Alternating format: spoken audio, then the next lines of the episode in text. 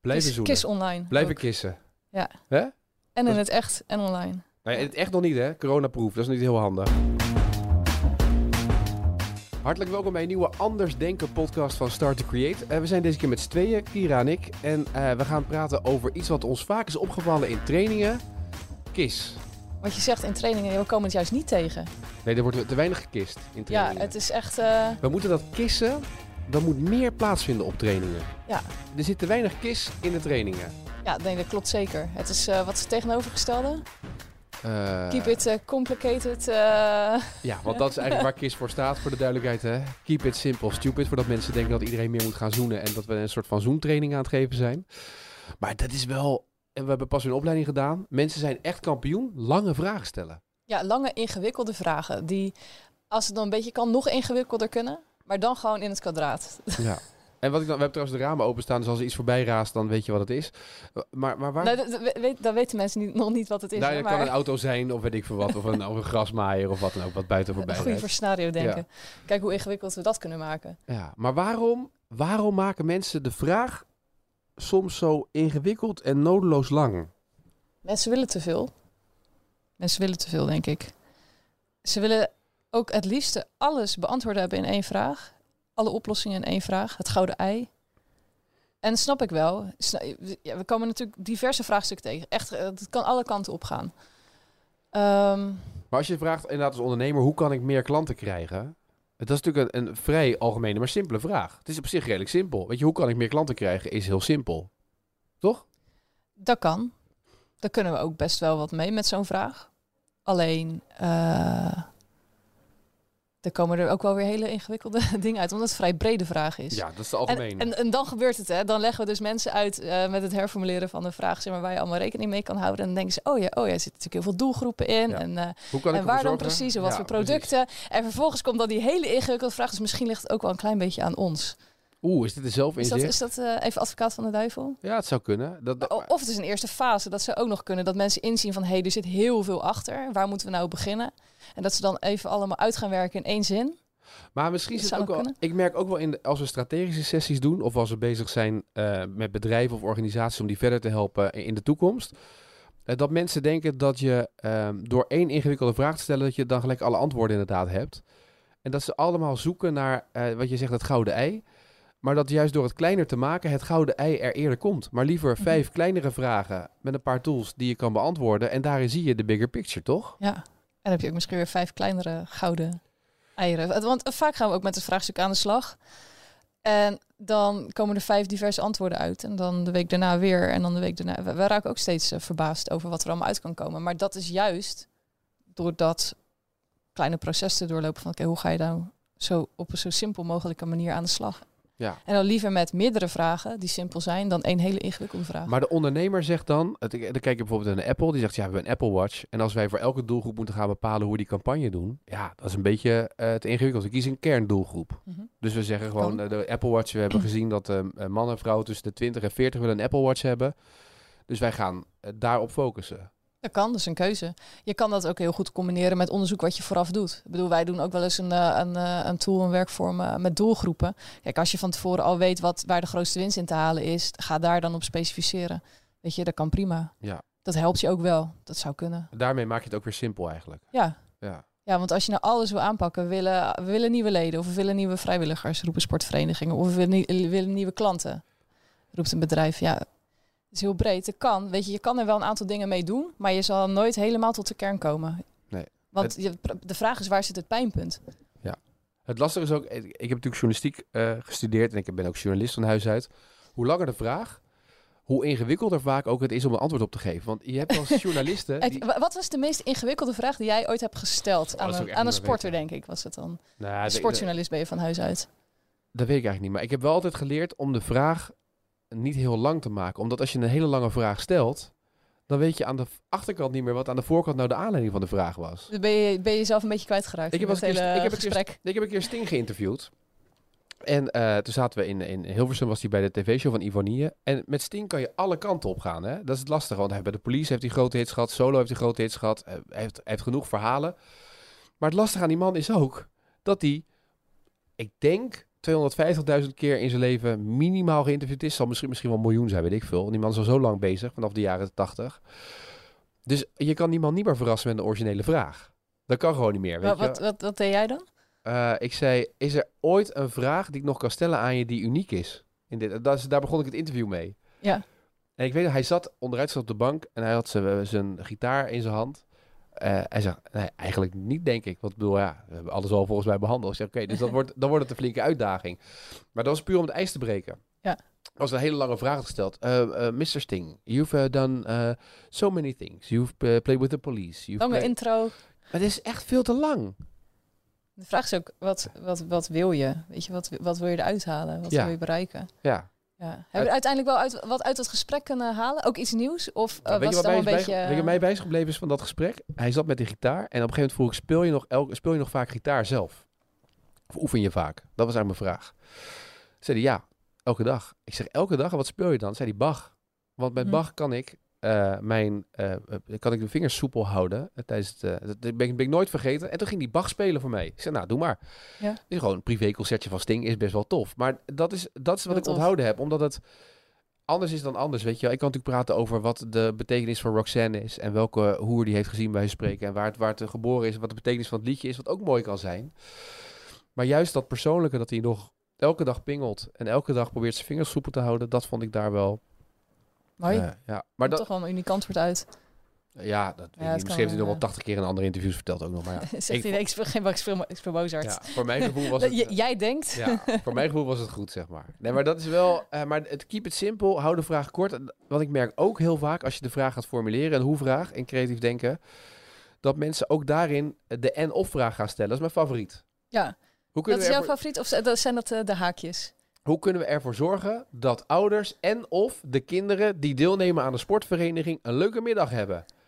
Maar ook dat ze eh, blijven, Ja. dat ze lid worden, zonder... En een vrijwilligerswerk gaan doen. Ze, oh nee, en ze moeten ook nog vrijwilligerswerk doen. Ja, nee, Maar dat dit is een ja, klassieker dit, hè, bijna. dit is echt bijna een klassieker. ja, in- oké, dit, deze is wel overdreven, maar vaak de en-of komen we heel, heel, heel vaak tegen. Of verschillende, twee verschillende doelgroepen, twee verschillende eh, elementen in één, eh, in één vraag. Veel comma's. Ja. Eh, en dat is ook wel echt een van de, van de leerscholen. Ik ben, ik ben namelijk ook kampioen compleet ingewikkelde, eh, noodloos ingewikkelde vragen eh, formuleren. Dat kan ik bevestigen. is, verder, verder ben ik helemaal niet langdradig of wat dan ook. Nee, maar ik ben er ook wel aardig kampioen. Dus ik weet wel ook echt wel wat de valkuilen zijn. Ik weet hoe je keuzes kan, kan maken daarin. Ik ben nu ook echt gewoon helemaal kwijt wat ik hierbij wilde zeggen. Een soort cliffhanger is dit, hè? Dat Ja, mensen ja, blijven ik kom- luisteren Ik tot kom er zo op terug. Ja. Nee, ja, weet je, ook, ook vaak is het zo dat dat wat er staat, dat je de vraag gewoon kan inkorten zonder dat je nog wat aan de inhoud verandert. Dat is ook gewoon eh, vaak nog een eye-opener van mensen. Er staat een hele lange zin, dan gaan we hem inkorten en dan staat eigenlijk nog steeds hetzelfde. En dan denk je zo, oh ja. En nu weet ik weer wat ik wilde zeggen. Hoe simpeler de vraag, hoe makkelijker het is ook om mee te werken. Je kan een hele ingewikkelde vraag maken en daar kan je mee, mee aan de slag. En je kan, je kan er van alles van maken. Maar mensen die gaan helemaal nat tijdens het anders denken, creatief denken. Dan wordt het anders denken super moeilijk. En juist als je, eh, of je nou zelf voor het eerst gaat creatief denken met ons, dan pakken we een gemakkelijkere vraag erbij. Maar stel dat je bij ons een opleiding hebt gedaan en je gaat er zelf mee aan de slag, pak een zo makkelijk mogelijke vraag. Dat is, dat is een van de valkuilen. Meteen beginnen met een ingewikkelde vraag. Maar misschien zit daar ook wel in dat je dus eh, de vraag die je voor jezelf stelt, opschrijft en gaat uitkleden. En eigenlijk is de, de vraag is een aangeklede pop met 2700 lagen. Die ziet er bijna, bijna uit als een Siberische eh, eh, wolf, zo, zo dik aangekleed. Maar je moet die, die lagen eraf pellen en kijken naar de essentie van de vraag. Wat wil je nou weten? Ja. Vind jij, want we doen dit nu al vijf jaar, hè? Vind je dat makkelijker worden naarmate je dat vaker doet? Ja. Ja, maar het, Ja, het is echt achterhalen. Vind ik wat, wel Wat wil je weten? Hoe vaker je dat doet, kijk, in het begin dan is het echt opschrijven en uitwerken. En in, ja, het gaat steeds makkelijker met keuzes maken in het moment en, en improviseren. Nee, dat klopt. Dat is het ook, zeg maar. Het, het wordt ook steeds makkelijker. Alleen, het is voor jezelf blijven oefenen en steeds vragen... wat is nou eigenlijk de vraag van die persoon? Dus stel dat je met een groep aan de slag gaat... Ehm, van de week in de opleiding hadden we een vraag... eh, en de vraag was, hoe kunnen we ervoor zorgen dat... Dat, dat vind ik ook... dat- hoe kunnen we ervoor zorgen dat... Dat is eigenlijk al... eh, eigenlijk is de vraag dus gewoon... Hoe, Hoe, zorgen we ervoor door? krijgen we... eh, hoe krijgen we, hoe maken ouders actief, eh, laten we zeggen. Maar hoe zorgen we ervoor dat ouders van allochtone afkomst eh, betrokken, zich, bet, nee, zich eh, betrokken voelen bij het- dat er draagvlak is. is. voor het vrijwilligerswerk?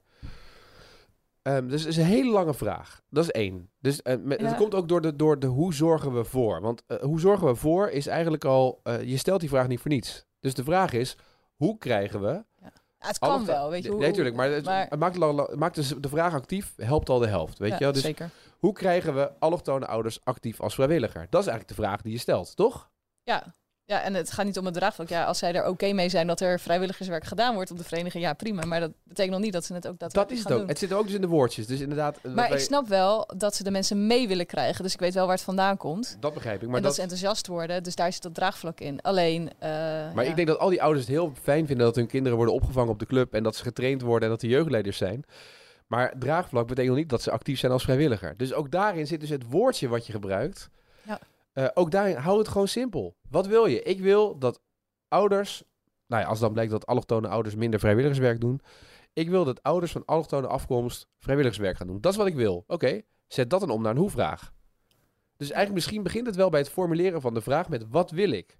Ja, dat zou best kunnen. Als je nou weet wat je wil, of waar je antwoord op wilt hebben, wat je doelstelling is, formuleer je daar de vraag op. Mhm. En wat we nu vaak Dat doen... doen we ook wel in de, in de voorbereidingen. Ja. Eh, zeker ook met de wat ingewikkeldere sessies die niet een uur of twee uur zijn, maar die een hele dag eh, eh, zijn. Daar halen we ook vragen op. Ja. En soms dan hebben we echt natuurtalenten. Dan krijgen we vragen binnen of vragen uit de groep. Dat kan ook in het moment zelf zijn. Die al heel erg specifiek zijn en die heel erg to the point zijn. En soms dan helpen we mensen met het herformuleren. Maar wat ik laatst wel merkte, ik had, dat kwam eigenlijk door onze Zoom-sessies. Door, door corona moesten we natuurlijk online gaan. Ja. En wat we normaal gesproken doen in een eh, echte in een live bijeenkomst, is dus de vragen in de groep ophalen, zodat mensen ook op elkaar kunnen doorliften, et cetera. En dan zijn wij nou ja, met een beetje oefening inmiddels al binnen 10 minuten klaar. En dan hebben we een hele hoop vragen uit de groep gehaald. Online werkt dat ietsje anders, dus wat hebben we gedaan? Vooraf vragen ophalen. Ik denk, hé, hey, voor de eerstvolgende live bijeenkomst ga ik dat ook eens een keer doen vooraf. Nou ja, het is, het is echt super wat je daarin al, in al Ja. ophaalt. En het is een combinatie van hele ingewikkelde vragen en hele simpele vragen. En vind jij het makkelijker om vragen online ook op te halen? Want ik krijg heel veel vragen tegenwoordig. We doen heel veel online trainingen. We doen heel veel via eh, Zoom Mhm. nu. eh, dat we eh, organisaties begeleiden omdat mensen dus Ja. liever niet samen willen komen nog. Vind je het makkelijker online of niet? Je bedoelt online Betrokkenheid van de mensen om de vragen in te dienen? Of is het makkelijker om van tevoren te vragen? Nou, weet je, kijk, op het moment dat je net een week van tevoren vraagt, krijg je sowieso wel alles binnen. Eh, kijk, voor een sessie van een uur of twee uur maakt het niet uit. Weet je, als die sessie van gisteren een uur of twee uur was geweest, had ik, het, had ik echt niet van tevoren vragen opgehaald. Maar Nee. je weet dat je een hele dag aan de slag gaat. En dat het een bepaald doel heeft, de sessie. Namelijk het formuleren van een toekomst. Hè, dat, is, dat is heel abstract. Dus er komt heel veel bij kijken. En eh, een stukje draagvlak is daarin heel belangrijk. Ja. En een veel meer langere termijn eh, visie. Dus dan wil je wel zoveel mogelijk ophalen. En ja, als je dat in een groep doet, dan ben je een uur bezig. En dan ben je een kwart van je dag kwijt. En nu weet je wel op voorhand, en dat is ook wel heel interessant, eh, wie, wat, eh, wie wat indient. Vanuit eh, manier van denken en communiceren. Ja. Zie je ook wel heel veel eh, overlap met, met kleuren en communicatie. Ehm, maar dat, is wel, dat was voor gisteren wel heel handig. Maar voor een andere sessie zou ik dat niet per se doen. Nee. Maar het helpt je wel makkelijker, het makkelijker te maken voor jezelf en keuzes te maken. KISS is dus eigenlijk het devies. KISS, KISS, KISS. Keep it simple. Eigenlijk is dat met alles, hè. Wees niet, mensen zijn heel overambitieus omdat ze het zo leuk vinden en graag over de oplossing voor willen hebben. Maar dat merken we ook in die online sessies. Hè? Een online sessie, echt maximaal twee uur. Ja. Maxi- echt maximaal, liever nog veel korter.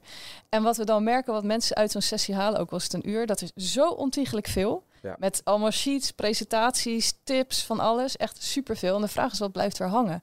En heel veel mensen willen heel erg compleet zijn. Ja. En waar normaal gesproken al binnen vijf tot acht minuten in een normale bijeenkomst de aandacht eh, afgehaakt is bij een presentatie, is dat online is dat al gewoon na twee minuten. Ja. Eh, en, dan, en dan toch je hele verhaal willen vertellen. Dus de vraag is, hoe kan je dat dan Maar eh, dan komt het simpel, dat eh, mensen daar, daar eh, en wat blijkt uiteindelijk, mensen willen eigenlijk altijd hun offline sessie hetzelfde doen online. Maar Ja. dat kan dus niet. Nee. Offline is een andere wereld dan online. Als wij een opleiding geven offline, is die anders dan online, omdat je gewoon met veel meer eh, eh, dingen zit. Dingen duren wat langer, et cetera. Dus je kan niet even gezellig keuvelen rondom een tafel Nee. en wat dingen inbrengen. Dat is er gewoon niet. Ja. Het, is, het is online. Dus je, je moet, daarvoor is creatief denken ideaal, dat je eigenlijk mensen aan de slag kan zetten, energie kan geven en in korte tijd tot andere dingen kan laten komen. Maar het vraagt wel Mhm. een idee, voorbereiding, ervaring en een prep om het goed te kunnen doen. Maar als Ja. je dat doet wat je altijd deed met die sessies en je gaat dat nu online doen, dan is de kans op succes. Ja. Inmiddels weten we wel zeker na alle sessies die we gegeven hebben een stuk kleiner. Ja, ik, vind het, eh, ik vind het wel heel boeiend. Wat, eh, en ni- niet alleen zeg maar dat, dat, je dingen gewoon hier aan overhoudt en gaat blijven doen. Dus bijvoorbeeld eh, dingen hybride oppakken, dus deels live en deels online. Maar ook zeg maar vanuit de aanpak online. Dat je toch weer tot andere dingen komt waar je anders niet op was gekomen. Dat vind, ik vind het wel gewoon heel boeiend. Ja. Zo blijven we ook verder leren. Maar het dwingt je, juist dan is het belangrijk online om dat KIS in de gaten te houden. Blijven KIS, zoenen. KIS online. Blijven ook. kissen. Ja. Hè? En in het echt en online. Nou ja, het echt nog niet, hè? Coronaproof. Dat is niet heel handig. Eh, hopelijk hebben we hiermee eh, de mensen in ieder geval geïnspireerd om iets breder te denken. Maar wat, wat, nee, maar wat, denk, wat, wat neemt eh, onze luisteraar nou mee na, na deze... dat ze meer moeten kissen. Zullen we de recap doen van deze podcast? Dat mensen eigenlijk de hele Ja. podcast door kunnen schuiven tot het einde. Nou, kom maar op. Wat is de recap? Durven keuzes maken, simpele vragen stellen en desnoods ophakken. Maar dat is even een tip erbij. In meerdere vragen. Vooral geen komma's en of en haakjes gebruiken in, een, eh, in een vraag waar je mee eh, aan de slag wil met eh, andere mensen. Dit was de Anders Denken podcast van Start to Create. Mede namens Kira, dank voor het luisteren. En graag tot de volgende keer. De volgende keer.